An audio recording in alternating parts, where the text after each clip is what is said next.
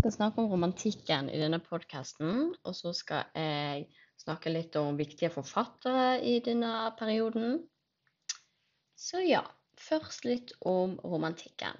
Romantikken er en mangfoldig epoke i vestlig kultur- og litteraturhistorie som kan tidfestes til 1790- til 1850-tallet, men med røtter tilbake i 1750 og forgreininger frem til i dag. Romantikken som retning oppsto som en reaksjon mot opplysningstiden, altså den epoken som var før romantikken. Der opplysningstiden dyrket fornuften, vitenskapen og det allmennmenneskelige, la romantikken heller vekt på naturen, følelsene, individet og det originale. Eksempel mange spørsmål som hva er egentlig sjalusi, hva er forelskelse, hva er alle disse følelsene, og dukker litt videre inn i de spørsmålene for å finne svar på det. Og så Derfor jo, var jo det mye av litteraturen handler om. Og så var de veldig opptatt av også at de mente alt hadde en ånd, f.eks. naturen. Så ja. Som litteraturhistorisk epokebetegnelse ble romantikken først bredt etablert mot slutten av 1800-tallet. Viktige sider med romantikken ble videreført i senere epoker, som realismen og modernismen. Det er utstrakt grad av overlapping mellom disse epokene, og i sentrale trekk er mye av litteraturen i dag fortsatt romantisk, syns i hvert fall jeg. Eh, oss mennesker elsker jo fortsatt å lese og høre om følelser vi alle kan relatere til.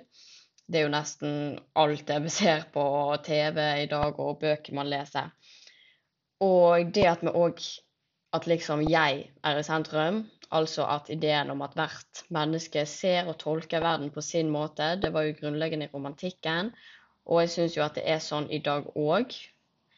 Vi er jo liksom et jeg-samfunn, ikke et vi-samfunn. I hvert fall her i Norge. Så ja. Men fantes det bare én type romantikk? Nei, da er det altså tre typer det er snakk om. Da kan jeg først nevne nasjonalromantikken. For romantikken utvikler seg mot midten av 1800-tallet til det man kaller nasjonalromantikk. I hele Europa ble kunstnere opptatt av nasjonalitet og spørsmål som hva er det som egentlig kjennetegner en kultur, hva er særegent for et land og et folk, og hvilke verdier og idealer har folket felles? Svarene på disse spørsmålene søkte de bl.a. i folkekulturen og folkelitteraturen, og i tidligere historiske epoker, særlig middelalderen. Så var det òg liberal og konservativ romantikk. Og Henrik Wergeland og Johan Sebastian Welhaven forstås som representanter for disse to andre typene romantikk. Altså den liberale romantikken, som Wergeland sto for, og den er òg kalt venstreromantikken. Og den konservative romantikken, som Welhaven sto for. Og den blir òg kalt høyreromantikken.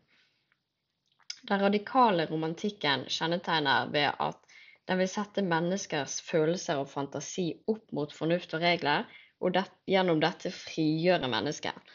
Denne grenen av romantikken er mer framoverrettet, med en sterk tro på at diktning og annen kunst kunne peke mot nye muligheter for menneskeheten.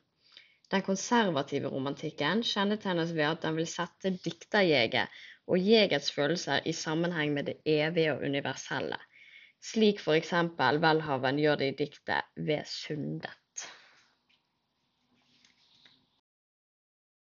Så om romantikken i Norge. Eh, I Europa varte romantikken fra slutten av 1700-tallet til ca. 1830.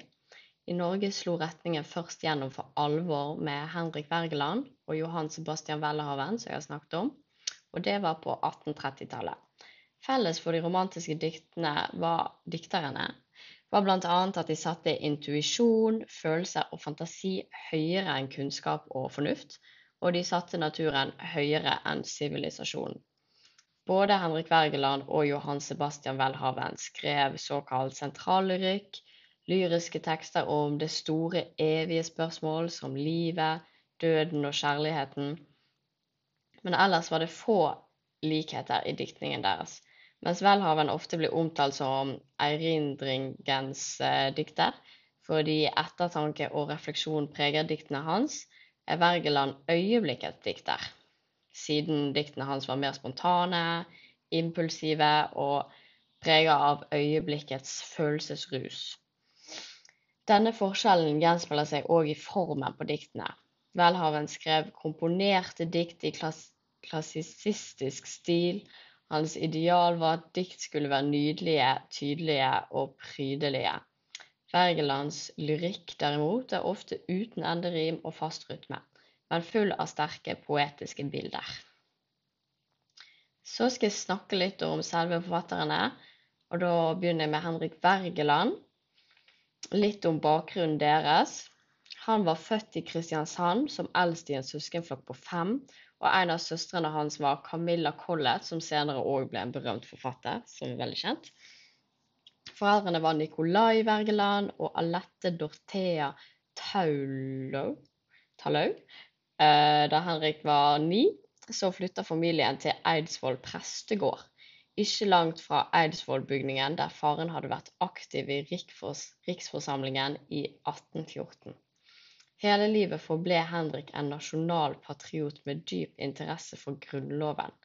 I 1819 ble han sendt til en tante og onkel på Akershus festning for å gå på Kristiania katedralskole, der han blant andre hadde Jakob Rosted og Albert Peter Lassen som lærere. Og Henrik Wergeland er ikke bare til å regne som en veldig viktig norsk dikter. Han er kanskje aller viktigst, for noen ting han gjorde, var at han stiftet ungdomsforeninger og folkebibliotek. Han kjempet for kulturell og språklig løsrivelse fra Danmark og for feiring av Norges nasjonaldag 17. mai. Han har vært inspirasjon for generasjoner av lyrikere, fra Bjørnstjerne Bjørnson til Nordahl Grieg til Jens Bjørneboe. Så litt om Johan Sebastian Welhaven. Og i dag er jo Welhaven mest kjent for sine romantiske dikt og som Henrik Wergelands motpol. Eh, men han var en svært viktig kulturpersonlighet i nærmere 40 år på midten av 1800-tallet. Han ble født og vokste opp i Bergen. I 1825 ble han student og sluttet seg snart til den kretsen av unge menn som kom til å, gjøre, kom til å utgjøre Intelligenspartiet. Han fikk en sentral plass i 1830-årenes kulturkamp. Han kritiserte Henrik Wergelands dikting og radikalisme, men samtidig gikk han løs på forrige generasjons patriotisme og det han anså som manglende originalitet. Welhaven trådde fram for offentligheten med diktet 'Til Henrik Wergeland' i Morgenbladet august 1830. I diktet kritiserer han Wergelands 'Skabelsen', mennesket og Messias. De nærmeste årene fulgte han opp kritikken av Wergeland i sin første bok 'Henrik Wergelands diktekunst og polemikk ved aktstykket 'Opplyste' i 1832, og i diktsyklusen eh, 'Norges demring' i 1834.